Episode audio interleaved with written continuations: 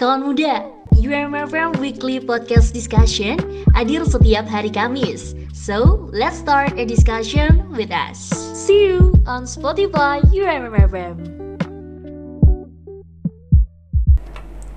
93,4 UMMFM The Real Campus Radio. Assalamualaikum warahmatullahi wabarakatuh Kawan muda. Selamat pagi, siang, sore, malam ya. Hari ini aku nggak tahu nih kawan muda dengerin aku Pagi atau malam aku nggak tahu. Yang jelas aku, aku udah ucapin selamat pagi, siang, sore, malam ya. Hari ini aku bakal bawain UMMFM Podcast episode kesekian.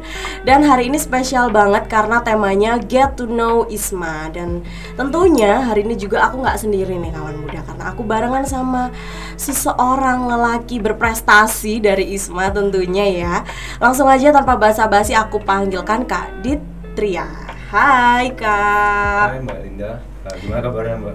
Baik sih, alhamdulillah. Kalau kakak sendiri? Ya Alhamdulillah, Alhamdulillah baik-baik saja. Baik ya.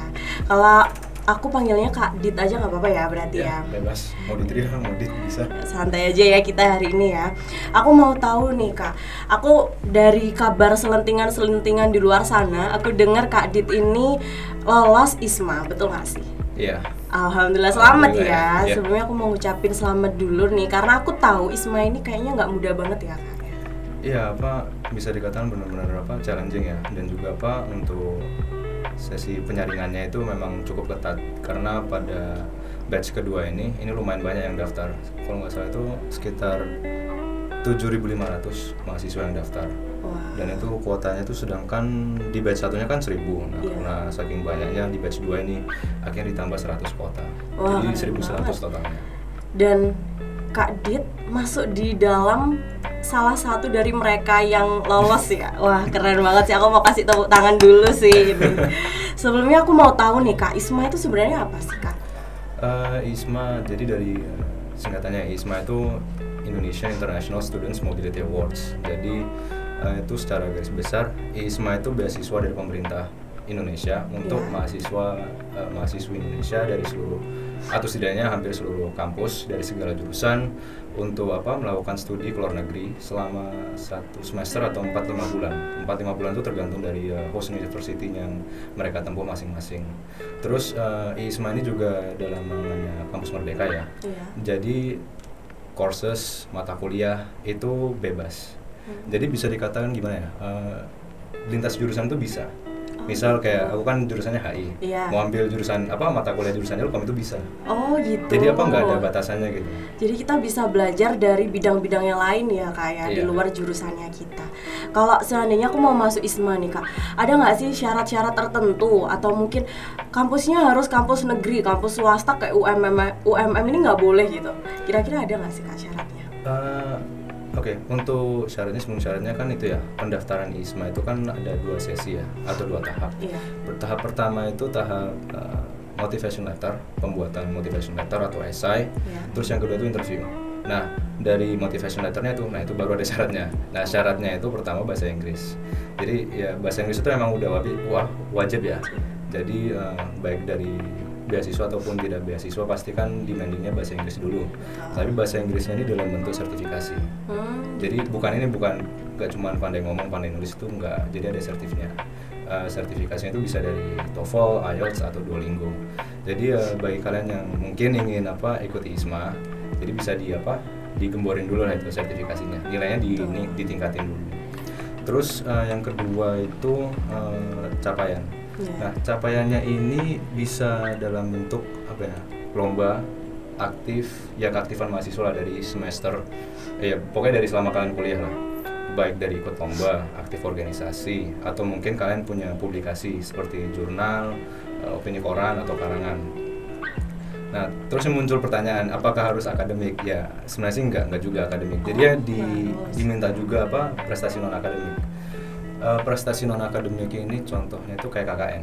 Kan KKN itu kan ya anggap aja KKN. Iya. Seperti kan kita kan pasti diberikan program program masyarakat. Betul. Nah, hasil dari program masyarakat itu itu bisa dikatakan sebagai eh, salah satu contohnya prestasi non akademik. Jadi prestasi non akademik itu kayak apa ya? Kayak capaian tapi bentuk apresiasinya itu bukan sertifikat bukan penghargaan tapi Iya, lebih ke ini apa hasil dampaknya ke kepada masyarakat Wah, keren kurang lebih sih. seperti itu Dan berarti syaratnya lumayan juga ya kak Iya. ya. Dan menurut aku kawan muda kalau memang mau masuk ISMA harus dipersiapkan mulai sekarang ya. Nggak bisa yang kita dadakan tiba-tiba masuk ISMA atau tiba-tiba daftar gitu nggak bisa ya kak ya. Harus Iya. benar-benar jadi dipersiapkan. ya benar-benar dipersiapkan oh ya apa eh, tambahan Iya. Ma- untuk daftarnya itu kalau di batchku ya Iya. itu harus mahasiswa semester 4 atau semester 6 jadi Oh, kalau sudah semester 7 itu udah nggak bisa daftar Kalau di bawah itu juga nggak boleh ya. nggak bisa Nggak ya bisa. mungkin karena apa eh, memang dari sananya sih jadi aku nggak bisa ini Da- dari detail. aturannya ya kak ya. Kalau daftar ISMA sendiri benefit yang kita dapat apa sih kak? Eh, benefitnya eh, kan ini juga dari kampus Merdeka ya Iya. itu kita mendapat awardees itu mendapatkan jaminan sekitar 20 SKS dan itu tujuannya biar para awardees itu tidak ketinggalan perkuliahannya selama apa eh, studi di studi ISMA.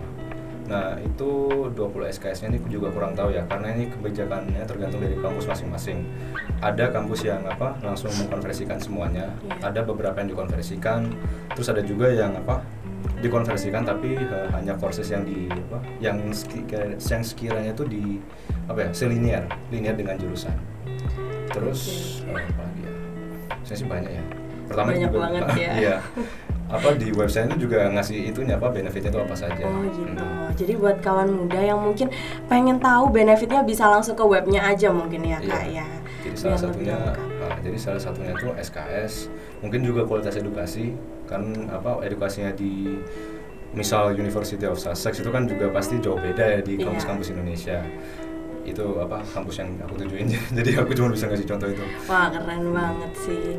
Dan menurut aku benefitnya salah satunya kita nambah relasi juga nggak sih? Iya benar relasi juga. Iya, karena teman kita di sini sama di luar negeri pasti kualitasnya jauh berbeda, ilmu Iya. kita juga pasti yang didapatkan berbeda kayak Mm. gitu.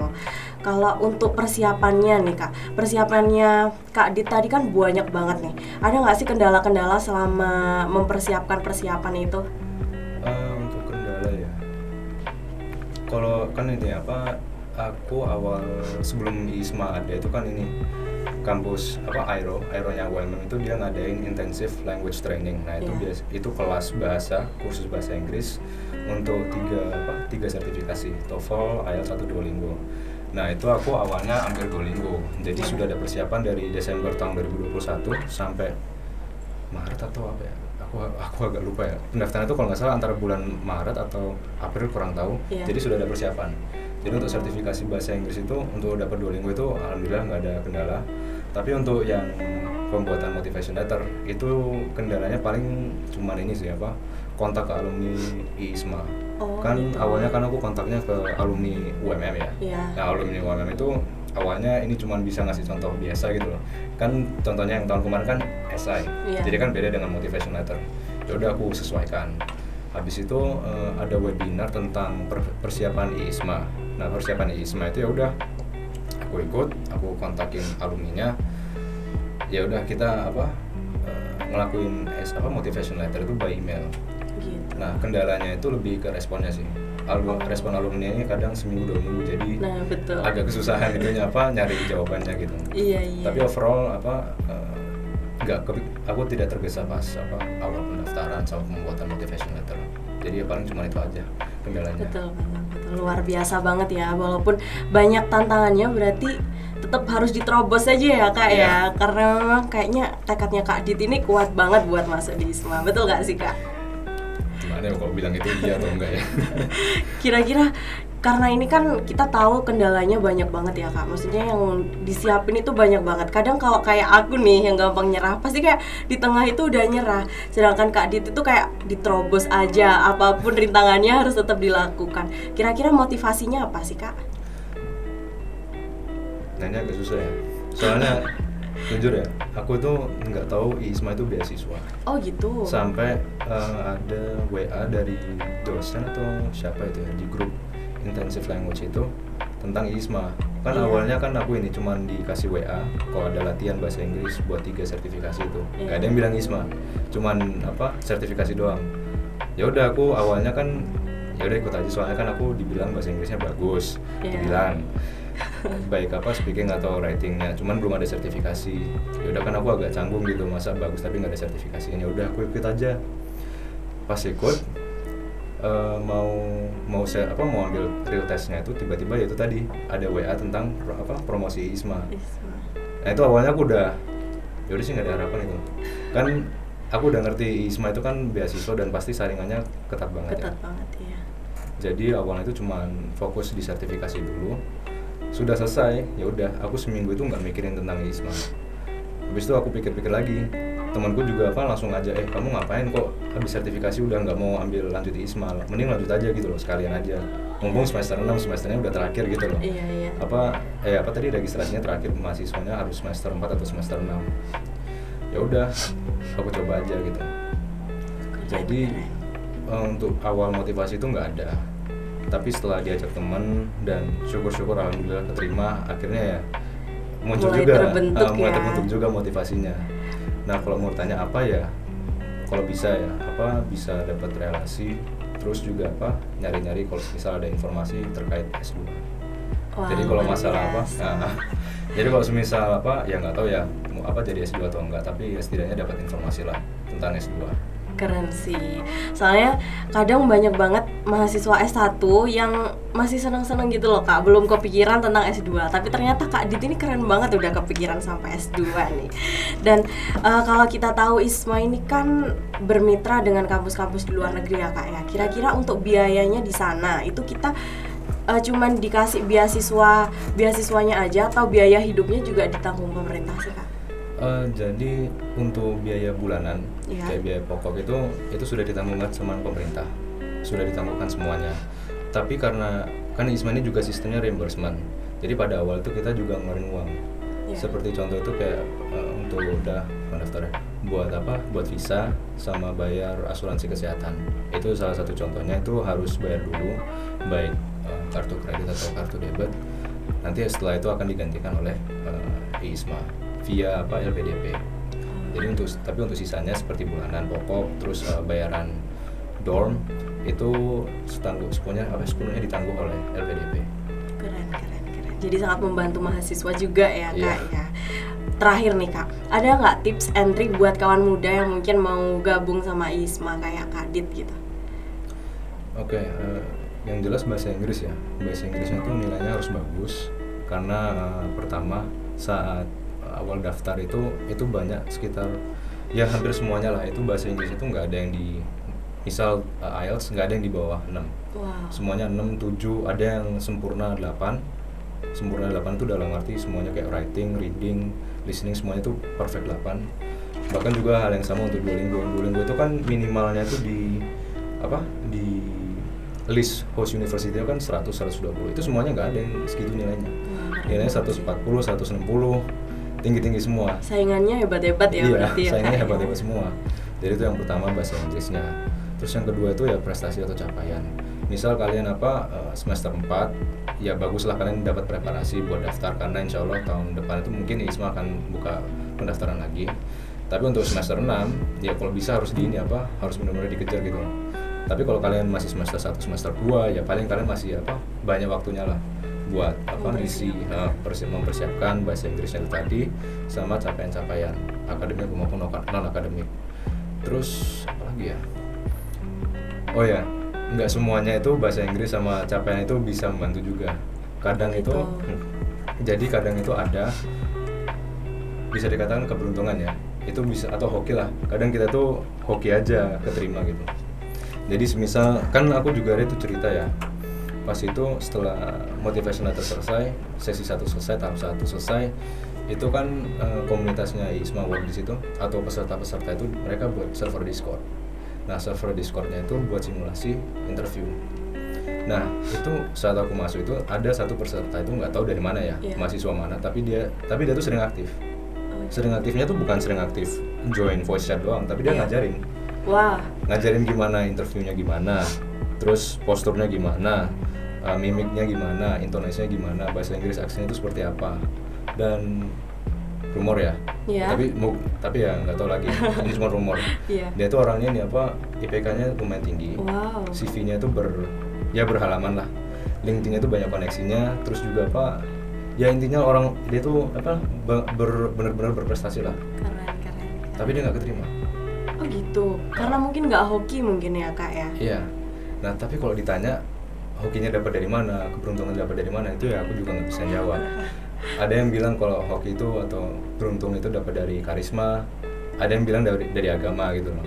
Iya iya jadi kalau ditanya keberuntungan untuk aku ya dari aku eh, keberuntungan itu dapat dari mana? Kalau aku lebih ke agama sih. Betul betul. Apa kan aku dari awal Desember itu nggak tahu ya amalan yang sering aku pakai itu kan aku sering puasa ya puasa Iya. Senin Kamis. Itu bukan buat karena apa bukan karena isma atau tes Duolingo itu bukan tapi emang nyoba kebiasaan itu. Iya. Mungkin dari situ tiba-tiba aku doa atau ngomong apa itu tentang isma tiba-tiba ke ijabah gitu. Dikasih Ah, jalannya iya, gitu dikasih sama jalannya Allah. gitu.